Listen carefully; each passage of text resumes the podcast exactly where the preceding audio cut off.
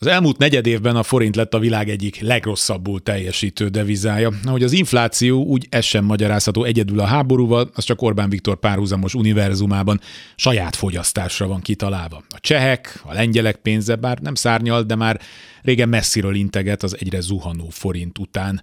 Ma már a 409-es szint is megvolt az euróval szemben, legalábbis amikor ezeket a sorokat írom, nem tudom garantálni, hogy mire adásba kerül, nem lesz rosszabb. Hogy az elején vagyunk a hét szűk esztendőnek, azt a kormányzati kommunikáció is jelzi. Lassan adagolják, de az irány egyértelmű. Persze leöntve azzal a hazugsággal, hogyha vége lesz a háborúnak, akkor majd minden jó lesz. Nem lesz, de azzal majd akkor foglalkoznak. Amúgy nem lesz vége a háborúnak belátható időn belül, erre még sokáig tudnak hivatkozni. Hogy mi lenne a megoldás az erősebb forintra és így legalább az importált infláció mérséklésére? Nagyon egyszerű nem kell lopni. Orbán azt üzeni, azért nem jön a pénz az Európai Uniótól, mert mi nem akarjuk nem váltásra kötelezni az óvodásokat.